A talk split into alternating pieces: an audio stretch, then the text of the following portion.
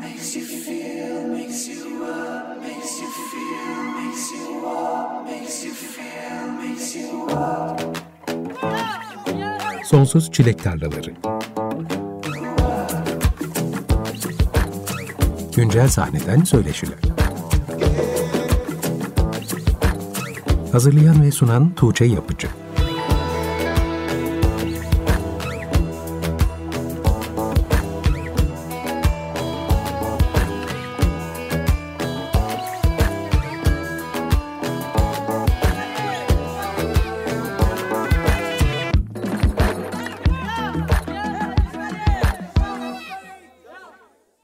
Açık Radyo'dan herkese merhaba. Sonsuz Çilek Tarlaları programındasınız. Ben Tuğçe Yapıcı. Her pazartesi olduğu gibi bu akşam da birlikteliğimiz saat 21'e kadar sürecek. İlk dinlediğimiz parça Post-Punk Dark Wave ikilisi Duct Tape'den Unleash Your Madness adlı parçaydı. Bu parça Duct Tape'in geçen yıl Haziran ayında yayınlanan Little Monsters adlı ilk EP'sinde yer alıyordu. Duct Tape ile tanışmamız da o zamana tekabül ediyor. Bu yüzden oldukça yeni bir proje diyebiliriz kendileri için. Bu akşam konuklarım da Duct Tape'in iki üyesi Çağla Güleray ve Furkan Güleray. Hoş geldiniz Çağla ve Furkan. Hoş bulduk, merhaba. Hoş bulduk. Nasılsınız? İyi, süper. Siz nasılsınız? Ben de iyiyim, teşekkür ederim. Sizinle tanışmamıza vesile olan ilk EP'den bir parçayla başladık programı ama geçen ay 8 parçadan oluşan Labirent adlı ilk uzun çalar albümünüzü yayınladınız.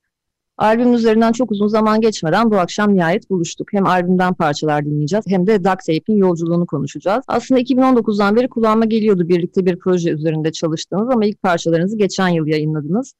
Duct Tape'in temelleri ne zamana dayanıyor? İlk şarkılar ne zaman yapıldı? Dilerseniz hikayenin en başından başlayalım. Biz Furkan'la uzun zamandır tanışıyoruz aslında 2014'ten beri. O zaten uzun süredir bir müzik geçmişi var Softa ve apartmanlarla. Ama benim bir müzik geçmişim yoktu. Furkan hep istiyordu beraber bir şeyler yapalım diye. 2019 gibi bir adım attık e, beraber evde kayıtlar yapmaya başladık. Ama tabii bir e, uzun bir süreç oldu. Evde yaptığımız için de kayıtları. 2020'de Haziran'da da yayınlamaya karar verdik üç parçayı. Daha sonra bu Little Monsters'ı yayınlarken zaten yeni albüm çalışmalarına da başlamıştık. O yüzden yeni albümün gelmesi de biraz hızlı oldu. Yani aynı sene içinde hem EP hem de albümü çıkarmış olduk. Güzel oldu yani. Böyle 2019'da başladık evet öyle diyebiliriz. İkiniz de işiniz gereği hayatınızın büyük kısmını uçuşlarda, evden uzakta geçiren insanlarsınız. Pandemi döneminde uçuşların iptal olmasıyla hayatınız epey değişmiştir diye tahmin ediyorum.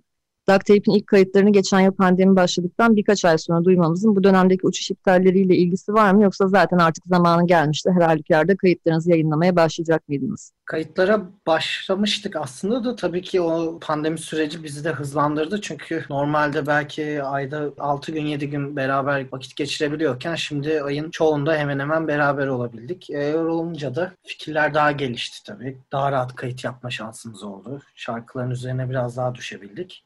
Böyle olunca tabii hem EP için hem albüm için süreç daha hızlanmış oldu. Daha sağlıklı oldu herhalde. Evet. Yani beraber hiç vakit geçiremiyorduk. Ee, çok kısıtlı bir zamanda o üç şarkıyı yapmıştık aslında. Ama sonra karantina başladığında zaten aylarca beraber evde olduğumuz için bayağı üstüne düştük, yoğunlaştık. Bu şekilde çıktı yeni albüm yani. Peki pandemi döneminde alıştığınız hayattan kopup evde bu kadar fazla vakit geçirmeniz Duct Tape'in müziğine nasıl yansıdı? Çünkü bambaşka bir halet ruhiyesi var sürekli evde olmanın. Aslında ilk EP ile Labirent albümünü ve şu anda yaptığımız şarkıları düşününce hep şey diyoruz Mesela ilk EP'deki şarkılar çok hızlıydı. 180 BPM'leri, 200'leri gördüğümüz şarkılar vardı. Şimdi bayağı 100'lere, 120'lere düştük. Demek ki bayağı hızlı yaşıyormuşuz o zamanlar ki böyle şarkılar çıkıyormuş. Ve biraz daha kaos içindeydik o zaman. Evet. Şimdi biraz daha sakinleşmiş müzik. Sakinleşmiş dedim de bu tabii yani. daha yavaş. Biraz daha bir tık daha sakinleştik herhalde evde oturmaktan. Hızlı yaşayınca hızlı şarkılar yapabiliyorduk. Ee, şimdi böyle daha aheste, kafamızda böyle şey yapabildiğimiz, kurabildiğimiz daha böyle ağır ağır işleyen ama tabii ki de yine aynı havasını koruyan şeyler yapıyoruz. Elektronik müzik üretenlerde de benzer şeyler duyuyorum. Bu dönemde sürekli evde olup işte kulüplere gidemeyince ürettikleri müziğe de yansıdığını ve BPM'lerin düştüğünü söylüyorlar genelde prodüktörler. evet. evet. Çok doğru yani. gözümde canlanmazdı ama öyle oluyormuş. Furkan'ı daha önce Softa grubundan da tanıyorduk. Şimdilerde ayrıca Apartmanlar adında bir projede de yer alıyor. Gitaristiyle tanıdığımız bir isim zaten. Programın ilerleyen dakikalarında apartmanlardan da bahsedeceğiz ve bir tane de parça dinleyeceğiz ama oraya biraz daha var şimdi.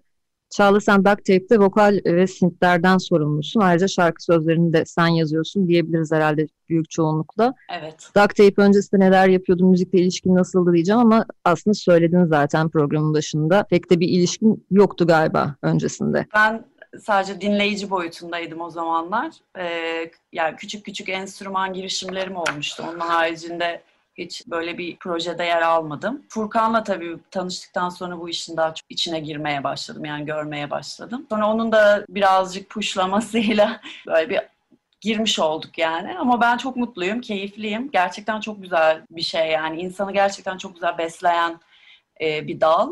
Ben bun, bunun öncesinde birazcık daha e, resim çizeyim, onu geliştireyim derdindeydim aslında. O bütün vaktimi ona harcıyordum. Ama şimdi hem ikisini de beraber yapabiliyorum ve bu çok hoşuma gidiyor. Güzel oldu. Bu arada Duct Tape'de ortaya çıkan işe bakarak iyi bir dinleyici olduğunu tahmin ediyorum öncesinde de. Teşekkür ederim.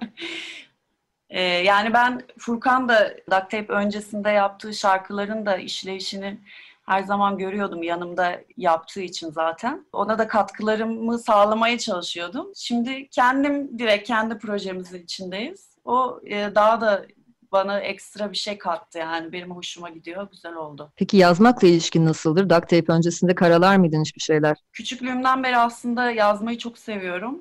E, kendi e, aklımdaki şeyleri yazarak daha iyi ifade ettiğimi düşünüyordum. O yüzden şiir yazdığım zamanlar oluyordu küçüklüğümden beri. Daha sonra uzun yazılara döktüm vesaire.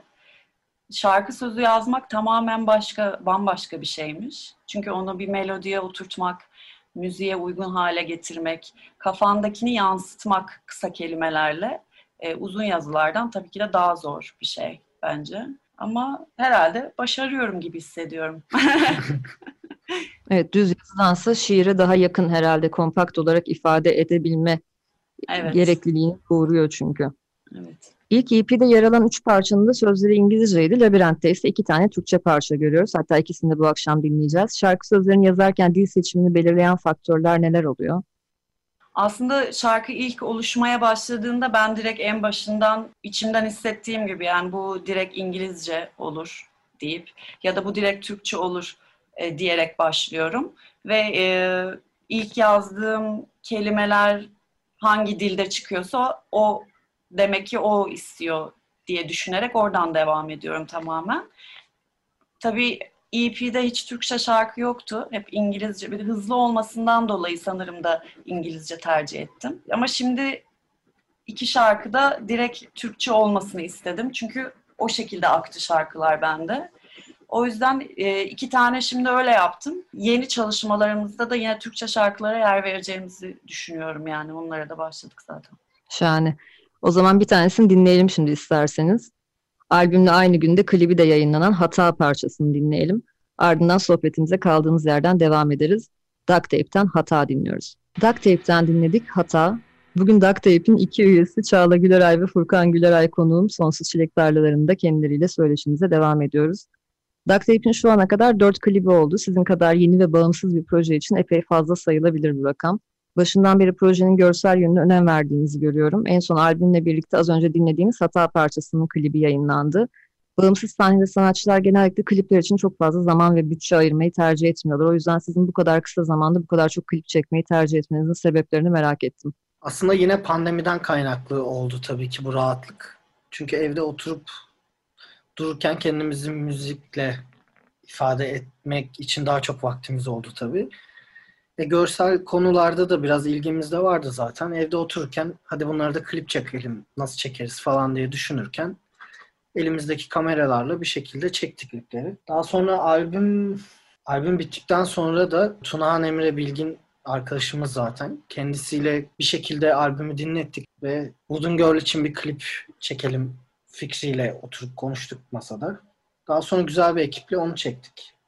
Bayağı üç gün sürdü. Güzel yerlerde, güzel bir ekiple çektik o klibi. Ondan sonra da hata için çektiğimiz klibi yine bir gün otururken hadi gidelim klip çekelim gibi bir durum oldu aslında ama tabii öncesinde gene düşünüyorduk nasıl şeyler yapabiliriz diye. Zaten pandemiden dolayı da kısıtlı imkanlar var yani setler kapalı, maddi durumlar, çekilecek yerlere ulaşımlar zor oluyor. Böyle durumları olunca bir şekilde eldeki imkanları kullanıp en fazla maksimum değer nasıl kazanırız diye düşünüp bu şekilde 4-5 tane çektik. EP için çektiklerimizi mecburen evde çektik. Gerçekten keyifliydi. Çünkü özellikle Nevrotic Passion için söyleyebilirim. İlk klipti ve e, yeşil perde kullanma fikri geldi aklımıza evde olduğumuz için. Dışarıda çekemeyeceğimiz için. Kırtasiyeden alınmış dört yeşil kartonla duvara e, döşeyerek onun önünde sergiledik bütün klibi ve arka plan oluşturduk. Bence evde çekilmiş klipler için güzel oldu. Bundan sonra da hoşumuza gittiği için bir tane daha bir tane daha derken yani çoğunu kendimiz çektik aslında. Evet bir de vakit de bol uğraşacak bir şey de olmuş oluyor. bize. Evet. Uğraş gibi. Uğraş çıkıyor yani iyi oldu o yüzden. Artık pratiğini de kazanmışsınızdır herhalde. Kurgularını da sen yapıyorsun değil mi Çağla? Evet kurguları da ben yapıyorum. Bir tek Wooden Girl'ü işte Tunağan yaptı. Onun dışındakileri hep kendimiz. Ben evde kendi imkanlarımla e, bildiğim kadarıyla kurguladığım e, klipler oldu. 4-5 günü alıyor bize ama en azından dediği gibi Furkan'ın da va- vakit geçiyor. Neyse ki vaktimiz var. Aynen öyle. En son Hata'nın klibini yine kendiniz çektiniz ama bu sefer dışarıya çıktınız. Hı hı. evet. Nerede çektiniz klibi? Klibi çok güzel bir yerde çektik. Gerçekten bayıldık oraya. Ee, Furkan bir gün orayı keşfetti internette. Ve dedi ki "Ya aslında bizim baş, kafamızda başka planlar vardı Hata'nın klibi için. Ee, ama burayı bulduktan sonra Furkan dedi ki tamam burası kesinlikle olur. Ama adını söylemeyeceğiz. Ama adını söylemeyeceğiz yani. Yok, Öyle mi gizli? Yok şaka canım yani aslında bayağı... Kilios'ta bayağı eski bir sosyal tesis gibi otelmiş eskiden 70'lerde falan filmlerin çekildi. Orayı böyle Instagram'dan bir şekilde bulduk. Çok değişik bir yermiş ama nasıl bilmiyorum vardır belki başka çekilen bir şeyler orada da. Böyle evlerin içinden ağaçlar çıkıyor falan. Her yeri yeşillik kaplamış. Çok enteresan terk edilmiş otel odaları var, evler var falan. Böyle güzel bir yerde. Böyle küçük villa villa tarzı bitişik evler var. Arkada da apartmanlar var aslında. Hepsi terk edilmiş ama hikayesini bilmiyoruz. Ve önü direkt sahil, kumsal. Sahili de çok bakir kalmış ve güzel bir yer bence. Uzun zamandır terk edilmiş olduğu için her yer yosun kaplamış, ağaçlar çıkıyor ama bu, bu arada evlerin içinde hala yataklar, eşyalar, bir şeyler var. İşte her yere grafitiler çizilmiş vesaire. Bayağı hoşumuza gitti. Hatta yani böyle e, boş zamanlarımızda gidip orada oturmayı istiyoruz yani. Hani klip haricinde de gerçekten atmosferi çok güzeldi oranın. Evet kapısız, penceresiz, boyaları kabarmış duvarlar. Gerçekten çok etkileyici görüntüler var. O yüzden ben de merak etmiştim neresi olduğunu. Hatta orayı nasıl keşfettiğinizi de merak etmiştim ama bayağı gezerken keşfettiğinizi düşünmüştüm ama internetten keşfetmişsiniz yani. Evet, evet öyle oldu. Bu dört klip arasında aslında sizin yapımınız olmayan sadece Wooden Girl demin de söylediğiniz gibi Tunağan Emre Bilgin tarafından çekilen klip. Onda çok etkileyici görüntüler var. Birazdan parçayı da dinleyeceğiz. Ama öncesinde hem şarkının hikayesini hem de klibin yapım sürecine dair anlatacağınız çok şey vardır diye tahmin ediyorum. Şarkıyı oluşturduğumuzda ağır bir hissiyatı olduğunu düşündüm ben ve o sıradaki e, kadın cinayetlerinin yoğunlaşmasıyla beraber aslında biraz üzücü bir süreçti e, şarkının yazımı. Kadınlara ve aile içi şiddet gören çocuklara yönelik olsun istedim. İstedik daha doğrusu aslında Furkan'la beraber buna karar verdik. Ama bunun artık insanların biraz magazin boyutuna getirdiği haberler haricinde biz birazcık daha kişinin kendisinden anlatılmış bir hikaye olsun istedik. Bir kadının kendi hissiyatından, kendi ağzından çıkmış sözler olsun istedik. Hüzünlü geçti yazma süreci aslında. Bir de doğru kelimelerle ifade etmek o hissiyatı. Bir de bunu İngilizce olması ki bütün ev yani bütün dünya için aslında sadece Türkiye için olan bir durum değil. Bütün dünyadaki kadınlar için olsun istediğimiz için üzerine biraz yoğunlaştık aslında. Klibinde de Tunağan'a kendi fikrimizi anlattık. Biz kafamızda böyle bir fikir var diye gittiğimizde o da zaten aynı çizgide yürüyen insanlarız. Bir şekilde fikir gelişti. Biz aslında Tunağan'a direkt şarkının hikayesini anlatmadık. Onun kafasında ne canlanacak acaba diye.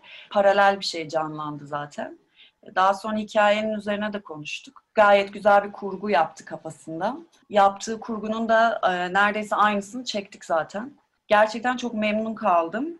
Çünkü düşündüğümüz şekilde oldu. Yani sadece direkt kadın üzerine değil de hem çocukların da işin içinde olması. Yani tamamen bir e, aile içi şiddet mevzusuna girmek istedik aslında. Çok fazla sahne düşünüldü. Çoğunluğunu Sarnıç'ta çektik. Binbir Direk Sarnıcı'nda. Stüdyo olarak da kullandık orayı. Tamamen Sarnıç gözükmeyen yerlerde de. Bir günde Belgrad ormanlarında çekimimiz oldu. Küçük kızın çekildiği yerler. Küçük kız aslında birazcık kadınların nereden geldin? Aslında bir masumiyet, bir çocuk. Yapılan şeylerin aslında geçmişinde böyle bir kız çocuğu olduğu ve onun büyüdükten sonra yaşayacağı şeyler anlatılmak istendi. Yaşanılan cinayetlerden de belli başlı öğeleri kullanmak istediler. Onun dışında Sarnıç'ta olması da bence ayrı bir hava kattı. Çünkü oranın zaten çok ağır bir atmosferi var. Su olması, ıslak olması vesaire. Orman sahneleri de zaten bir kaçış için kullanıldı yani küçük kızın aslında geleceğinden kaçması gibi.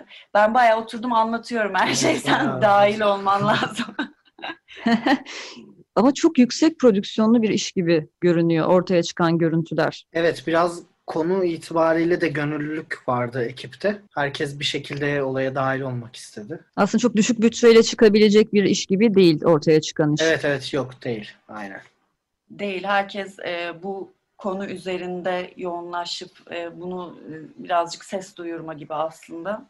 E, o yüzden herkes dahil olmak istedi Tuna'nın çevresinde de. Çünkü konu itibariyle gerçekten e, duyarlılık gerektirecek bir şey. O yüzden birazcık e, gönüllülerden oluşan bir ekiple, gerçekten e, işini iyi yapan bir ekiple çekildi. Biraz güçler birleştirildi gibi anlıyorum Evet. bu klip için. Evet Aynen öyle oldu. Ama Çağla'nın da anlattığı bu şarkının ağırlığı, ağır atmosferi, anlattığı konuların ciddiyetini bütünleyen ve aslında e, yurt dışında da herhalde basında yine bu şekilde doğru anlaşılan, burada da aynı şekilde insanlara o şarkının etkisini geçirebilen bir klip olduğunu düşünüyorum. Evet. Yurt dışından da aynı şekilde yani anlatmak istediğimiz şey anlaşıldı gerçekten. Ee, onu o açıdan mutluyuz. Wooden Girl'den çok bahsettik. Dinleyiciler merak edecek şarkıyı. İsterseniz şimdi dinleyelim ardından sohbetimize devam ederiz. Duct Tape'den Wooden Girl gelsin o zaman. Açık Radyo'da Sonsuz Çilek Tarlaları programındasınız. Duct Tape'den Wooden Girl dinledik. Duct Tape'den Çağla Güleray ve Furkan Güleray ile sohbetimize devam ediyoruz. Albüm çıktıktan bir süre sonra İsviçre menşeli bir plak şirketi olan Swiss Dark Knights'la anlaştığınızı duyurdunuz. Albüm bu label'ın etiketiyle CD formatına da basıldı. Hatta şu anda satışta sanırım Bandcamp üzerinden. Sanırım size label'dan bir teklif gelmiş ama hikayenin tamamını sizden dinleyelim isterim. Albüm çıkınca biz birkaç yerden mail aldık e, bu konuyla ilgili. Hani e, yani sonuçta albümümüzü kendimiz çıkardık. E, bir label üzerinden çıkarmadığımız için herkes CD için teklifte bulundu. Bayağı bir mail aldık bu konuyla ilgili ama bizim e, aralarından tercihimiz Swiss Dark Knights'la oldu. Çünkü gerçekten çıkardıkları e, gruplar olsun hepsi böyle e, aynı düzeyde ve e, gerçekten kaliteli işler. E, Avrupa'da da güzel bilindik gruplar. Hoşumuza gitti Swiss Dark Knights'ın yaptığı şeyler ve o yüzden de onlarla çalışma kararı aldık. Şu an satışta evet yani ön sipariş gibi şu anda. Biz daha kendi sayfamıza koymadık. Onlar şu anda sunuyorlar. Daha sonra biz de koyacağız elimize geldiğinde. Bir sonraki albümler için de e, onlarla görüşeceğiz zaten. O yönde de bir konuşmamız oldu. Bu arada Duct Tape'in şarkıları İtalya, İspanya, Meksika gibi ülkelerde radyolarda çaldı, basında yer buldu. Yerli sahnede pek çok müzisyen bu şekilde müziğin Türkiye sınırları dışında da duyurmak istiyor. Benim de senelerdir yazılarımı, söyleşilerimi takip edenlerin büyük çoğunluğu sanatçılar ve müzik sektörünün diğer aktörleri. O yüzden ben kişisel deneyimlerin başkalarına ışık tutabileceğine inandığım için herkesin ulaşmak istediği şeylere ulaşabilen sanatçılara sırlarını her zaman soruyorum.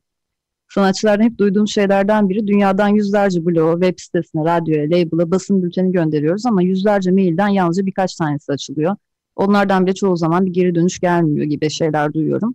Siz özel bir çalışma yaptınız mı basına ve label'lara ulaşmak için? Aslında çok öyle büyük bir çalışma yapmadık. Label'lara ulaşmak için hiç yapmadık. Zaten öyle çok plak şirketi falan bugüne kadar da öyle arayış içinde olmadım yani diğer gruplar için de söyleyeyim bunu. Ama şey tabii birazcık mail list yaptık yani. yurt dışına. 10 tane siteye yollamışızdır. O sonra zaten o oradan o oradan derken bayağı bir kendi kendine ayrı bir liste oluştu yani bizi yazdıktan sonra siteler diyeyim. Evet ilk EP'den sonra zaten çalan radyolar falan ekledik listemize yani. Çünkü zaten çalmışlar bizi vesaire Onlar diye. da zaten takibe aldı bir şekilde Evet. grubu. Şimdi bize de mail atıyorlar. Ne bileyim sürekli bir şeyleri mentionlıyorlar falan. Bir şekilde irtibat devam ediyor onlarla da. Evet. Yani bundan sonra da iletişim devam edecek herhalde onlarla. Peki label'lar nasıl keşfediyor? Mesela hiç sordunuz mu bizi nasıl buldunuz diye? Swiss Dark Knights'la konuştuğumuzda onlar dediler ki kendi bünyelerindeki Delfin Coma diye bir e, Amerikalı bir ikili grupları var. Onlar bizi dinlemişler ve onlar önermişler Swiss Dark Knights'ı. Hani e, böyle bir ikili var Türkiye'den. Çok beğendik, irtibata geçer misin diye. Onlar sayesinde oldu aslında. Kendileri de öyle dediler zaten hani bizim bir grup sizi önerdi vesaire diye. Öyle duymuşlar onlar da. Sizin tanıdığınız bir grup mu birebir? Henüz tanışma fırsatımız olmadı ama dinliyorduk. Yani dinlemişliğimiz vardı. Beğeniyorduk da. Öyle bir irtibata geçtiklerinde de şaşırdık aslında. Ama e, hoşumuza gitti. Güzel oldu. Yani onlar böyle bizi önermeleri falan güzel bir şey yani. Başka bir grubun kendi label'ına önermesi. Yoksa Furkan'ın dediği gibi biz hiçbir label'la mail atıp hadi size katılalım gibi bir şey yapmadık yani. Tamamen kendiliğinden oldu. Gerçek anlamda bir keşfedilme hikayesi aslında o zaman sizinki. Ben belki de. Biraz da şans yanınızda olmuş o zaman herhalde. Evet. Şimdi maalesef programın başında da bahsettiğimiz gibi Duct Tape'in dinleyiciyle tanıştığı günden bu yana pandemi dönemindeyiz. O yüzden de size henüz canlı izleme şansınız olmadı. Canlı performanslar için hazırlanmaya başladığınızı duyuyorum. Bir yandan sizi keşfedenlerin videolarınızın altına bıraktıkları yorumlarda bir an önce sizi canlı izlemek için sabırsızlandıklarını da görüyorum.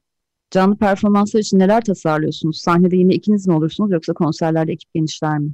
Aslında canlı için yurt içinde 3 kişi oluruz büyük ihtimal. Gene apartmanlardan, softadan çaldığımız bir kanla provalara başlayacağız. Ama yurt dışı konserlerine bir kanı biraz yoğun olduğu için bilemiyorum götürebilir miyiz. Onun harici genel olarak aslında 2-3 kişi diyelim. Sahne içinde görseller olacak büyük ihtimal arkada. Hı hı. Onun harici şu an için çok ekstra bir şey düşünmüyoruz. Yo, evet yani biz e, ikimiz olarak genelde öyle tasarlıyoruz kafamızda ama yurt içinde aynen bir kanla davulla birlikte çıkmayı düşünüyoruz. Yurt dışı konserlerine giderken zaten ne kadar küçük bir ekip olursa işinizi o kadar kolaylaştırır, mobilitenizi arttırır, bütçeler düşer ve çok daha kolay gidebilirsiniz. Evet. Yurt dışı için de Açılırsa. sanırım bir takım irtibatlar başlamış şimdiden yurt dışı konserleri için. Evet bir iki yerle görüştük ama tabii herkes bir bilinmezlik içinde olduğu için ne zaman olur ne olur onu bilemiyoruz. Yani çünkü Avrupa, Amerika her yer kapalı. Biz de gidemiyoruz bir yere. Evet ama en azından iletişime başlamış olmak, tekrar konserler başladığı zaman için şimdiden bir yatırım yapmak mantıklı bir hareket. Aynen öyle. aynen. Şu ana kadar Duct Tape'ten aldığım izlenim sahnede de görselliği es geçmeyeceğiniz yönünde zaten. Konserler için görsel bir şeyler de tasarlayacaksınız anladığım kadarıyla. Onları da Çağla mı yapar acaba? Sahne arka görseli için bu sefer ben yapmayı düşünmüyorum. Biraz sanki dışarıdan bir gözle bir girse fena olmaz gibi düşündük. Bakalım. Evet farklı bir bakış açısı olsun istedik onun için. O yüzden e, ben yapmayacağım. Başka birini düşünüyoruz şu anda. Madem sayenizde bugünkü programı Dark Wave'e ayırmış olduk, yerli sahnenin öne çıkan üretken bir diğer Dark Wave synthpop projesi olan Affet Robot'tan da bir parça çalalım istiyorum. Çünkü onun da 29 Ocak'ta Kargaş adlı yeni bir parçası yayınlandı. Affet Robot Eren Günsal'ın projesi ilk albümünü 2017'de yayınlamıştı. O zamandan beri de üretmeye devam ediyor ve bugünlerde ikinci uzun çalar albümünü yayınlamaya hazırlanıyor. Albümün üçüncü single'ı Kargaşa'yı dinleyeceğiz. Ardından Duct Tape'den Çağla ve Furkan'la sohbetimize devam edeceğiz. Açık Radyo'da Sonsuz Çilek Tarlaları programındasınız. Ben Tuğçe Yapıcı. Bu akşam konuklarım Çağla Güleray ve Furkan Güleray ile sohbetimize devam ediyoruz. Affet Robot'tan Kargaşa dinledik. Bu programda konuklarımızın diğer projelerinden de mutlaka bahsedelim istiyorum ki dinleyiciler sizi daha yakından tanısın. Furkan senin kurucularından olduğun bence yerli sahnenin ilgi çekici projelerinden bir diğeri de apartmanlar. Apartmanların bir araya gelme hikayesi ilk nasıl gelişti? Apartmanlar benim e, Softa ile bir ara verdikten sonra evde yaptığım kayıtlarla oldu. Bayağı bir süre müzikle ilgilenememiştim. Elime gitar bile almıyordum. Daha sonra yeter artık deyip evde bir şeyler kaydetmeye başladım. Bunu da kara stüdyolarında kay- kayıda gittiğimde aslında kafamda biraz daha değişik bir şey vardı ama orada ismini vermediğim Ölü Bebek'le beraber kayıtları yaparken gel dedi biz bunu beraber seninle proje yapalım. Güzel bir grup olur. Beraber üstüne düşelim dedi. Daha sonra yıllardır tanıştığımız arkadaşlarımızı yanımıza alıp güzel bir kadro oluşturduk. Daha sonra işte ilk EP'yi yayınladık. Dört parçaydı herhalde. Daha sonra da Ölü Bebek'le beraber oturup yeniden şarkı yazma sürecine girdik. Böyle beş şarkıyı çıkardık. Güzel güzel gidiyor. Bayağı eğleniyoruz, keyifli. EP de çok güzeldi. Son Aşk Aşk Sevgi Sevgi Aşk. Özellikle canlı için bayağı çalıştık. Heyecanlıydık ama maalesef pandeminin başlaması başladığı gün falandı lansman konseri. İptaliyle şimdi oturuyoruz. Son EP'nin ismini kim buldu bu arada? Aşk aşk sevgi sevgi aşk aşkı. O aslında şarkıydı. Seni seviyorumun nakaratıydı. Dedik bunu albüm adı koyalım. Bir de hep böyle aşklı Çok da güzel olmuş. Aynen. Bir de böyle çok aşklı, sevgili şarkılar falan. Ona da birazcık gönderme var falan hani böyle. Yeter diyorsunuz bu kadar aşk Aynen. aşk sevgi sevgi aşk aşk. göze göze sokalım dedik böyle aşk aşk sevgi sevgi aşk. Apartmanlar ilk kaydını 2019'da yayınlamış bir proje. Bu kayda gelinceye dek de bir takım kadro değişiklikleri olmuştu ama sonradan apartmanlara yeni üyeler eklenmeye başladı senin de dediğin gibi.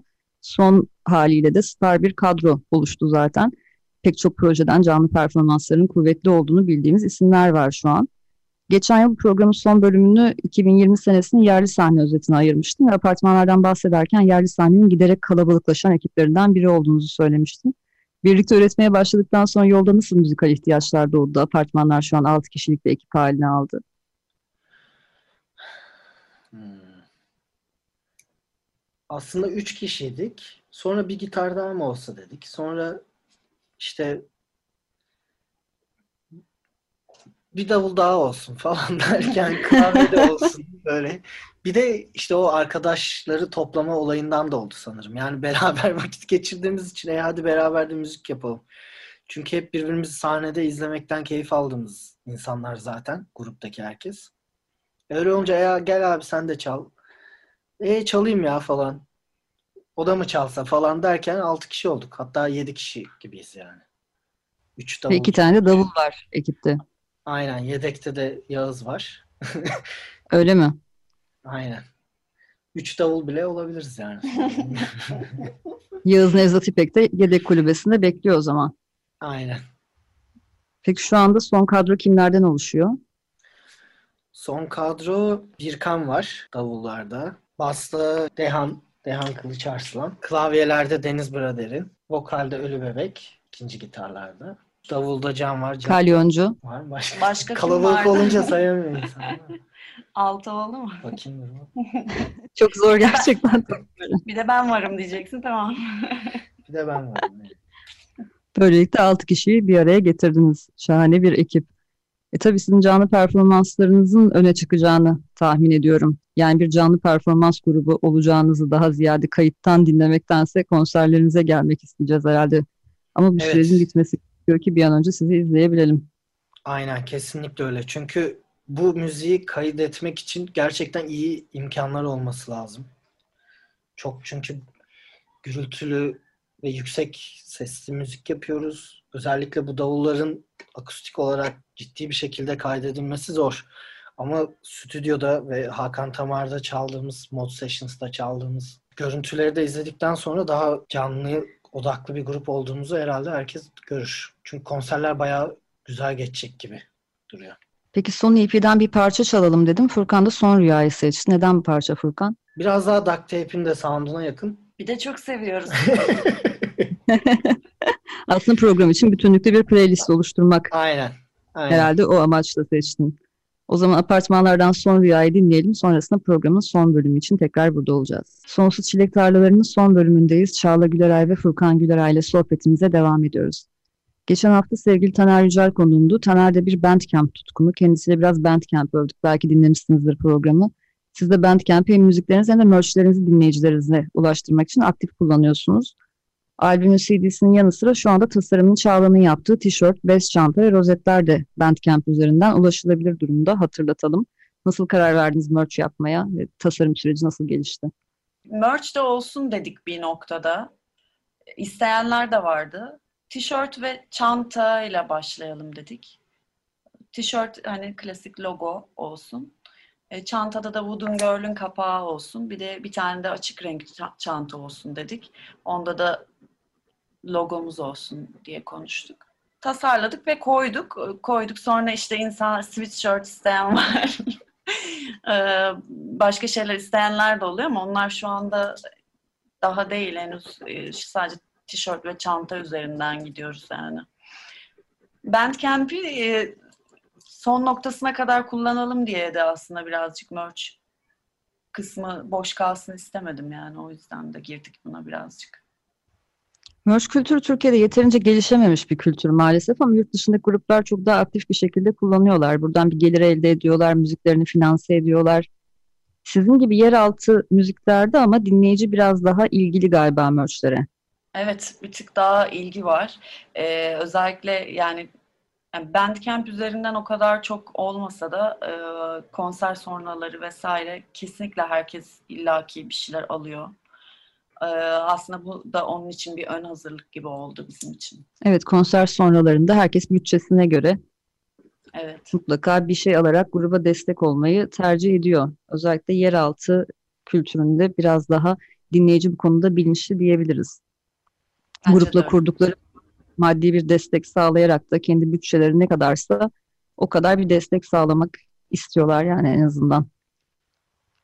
Peki Labirent albümünün kapak tasarımı sana ait Çağla. Albüm karanlığını yansıtan bir çalışma. Artwork tasarım sürecinde aklınızda neler vardı? Albümün ismi Labirent oldu ve e, ben kapağa tabii ki de bir labirent koymaktansa e, başka bir şey koyma düşüncesindeydim. E, aslında bu kapağı tasarlarken bunu kapak olarak düşünmeden kendi yaptığım bir şeydi. Ama bu kesinlikle bu kapak olmalı, labirentin kapağı olmalı. Çünkü e, bir anahtar deliği var ve e, normalde insanlar anahtar deliğine baktığında bir aydınlık e, görüp sonra kapıyı açar gibi bir algı var. Ama bizim anahtar deliğimizden bakıldığında daha karanlık bir yer görüyorsunuz. O yüzden aslında bu labirentten çıkışı temsil etse de aslında daha çok daha büyük bir karanlığa giriyorsunuz gibi bir düşünceyle yaptım. Birazcık da e, ilkel görünmesini istedim ve böyle bir şey çıktı. Yani müziğin dışında görselleriyle, klipleriyle, merchleriyle, her şeyle gerçekten sizin yapımınız DIY bir proje diyebiliriz Duct Tape için. Evet öyle oldu. Son olarak ikinci albüm için arayı fazla açmayacağınızı hissediyorum. Zaten hali hazırda birkaç şarkının ortaya çıktığının müjdesini de verdiniz bana yayından önce. İş hayatının temposuna uzak kaldığınız bu dönemi verimli geçirerek evinize bir şeyler atıyorsunuz sanırım ve bu sayede yıl bitmeden sizden yeni bir şeyler daha duyabileceğiz. 6-7 şarkı bitti gibi. Şu onların provalarını da yapıyoruz evdeyken. Tabii şimdi şu- yani hazır vaktimiz varken boş vaktimiz ne kadar çok üretim yaparsak o kadar iyi bizim için. Zaten olayın temelini oturtturduk. Bundan sonra daha süreç hızlanır diye düşünüyorum. Ama bir Ekim'i bulur herhalde. Bir Ekim gibi yavaş yavaş yeni albüm için e, paylaşımlara başlarız. 2022'de de ölmez sağ kalırsak albümü yayınlarız diye bir plan var kafada. Çok teşekkürler bugün konuğum olduğunuz ve heyecanlı süreçlerinizi dinleyicilerle paylaştığınız için. Eklemek istediğiniz bir şey var mı? Teşekkür ederiz. Biz bizi çok teşekkür ettiğin için. ediyoruz bizi davet ettiğin için. Ben teşekkür ederim. Bu haftalık Sonsuz Çilek Tarlalarının sonuna geldik. Ben Tuğçe Yapıcı. Bu akşam konuklarım Dark Wave Post Punk ikilisi Duct Tape'den Çağla Güleray ve Furkan Güleray'dı. Bu hafta Cuma günü Selin Sümbültepe'nin ikinci albümü Ben Estim Sen Esme yayınlanacak. Selin benim uzun zamandır takip ettiğim bir şarkıcı ve şarkı yazarı. İkinci albüm single'larını da son iki senedir yayınlamaya devam ediyordu aslında. Şimdi Cuma günü nihayet albüm çıkıyor. Bu vesileyle haftaya pazartesi de Selin Sümbültepe program konuğum olacak. Gerçekten beklediğim bir albüm. Ben şimdiden dinliyorum ve gelecek pazartesi olsa da sizlerle birlikte dinlesek diye sabırsızlanıyorum. Son olarak Duct Tape'in Labirent albümünden Tuzak dinleyeceğiz. Albümdeki iki Türkçe sözlü şarkının ilki olan Hatay'ı programın başlarında çalmıştık. Şimdi de diğerini dinleyeceğiz. Bu şarkıya dair söylemek istediğiniz bir şey var mı? Albüm sürecinde biz birazcık evde kapalı olduğumuz için biraz daha kafamızın içini kurcaladık aslında. Ee, bu şarkıda uykusuz geçirdiğim geceleri temsil ediyor diyebilirim yani. Biraz e, çok fazla düşünmekten dolayı. Peki program bitmeden şunu da not düşeyim o zaman.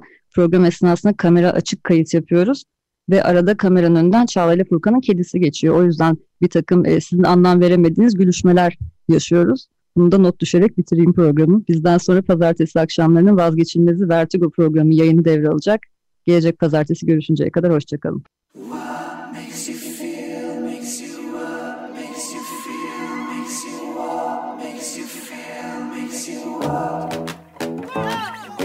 Sonsuz Çilek Tarlaları Güncel sahneden söyleşiler.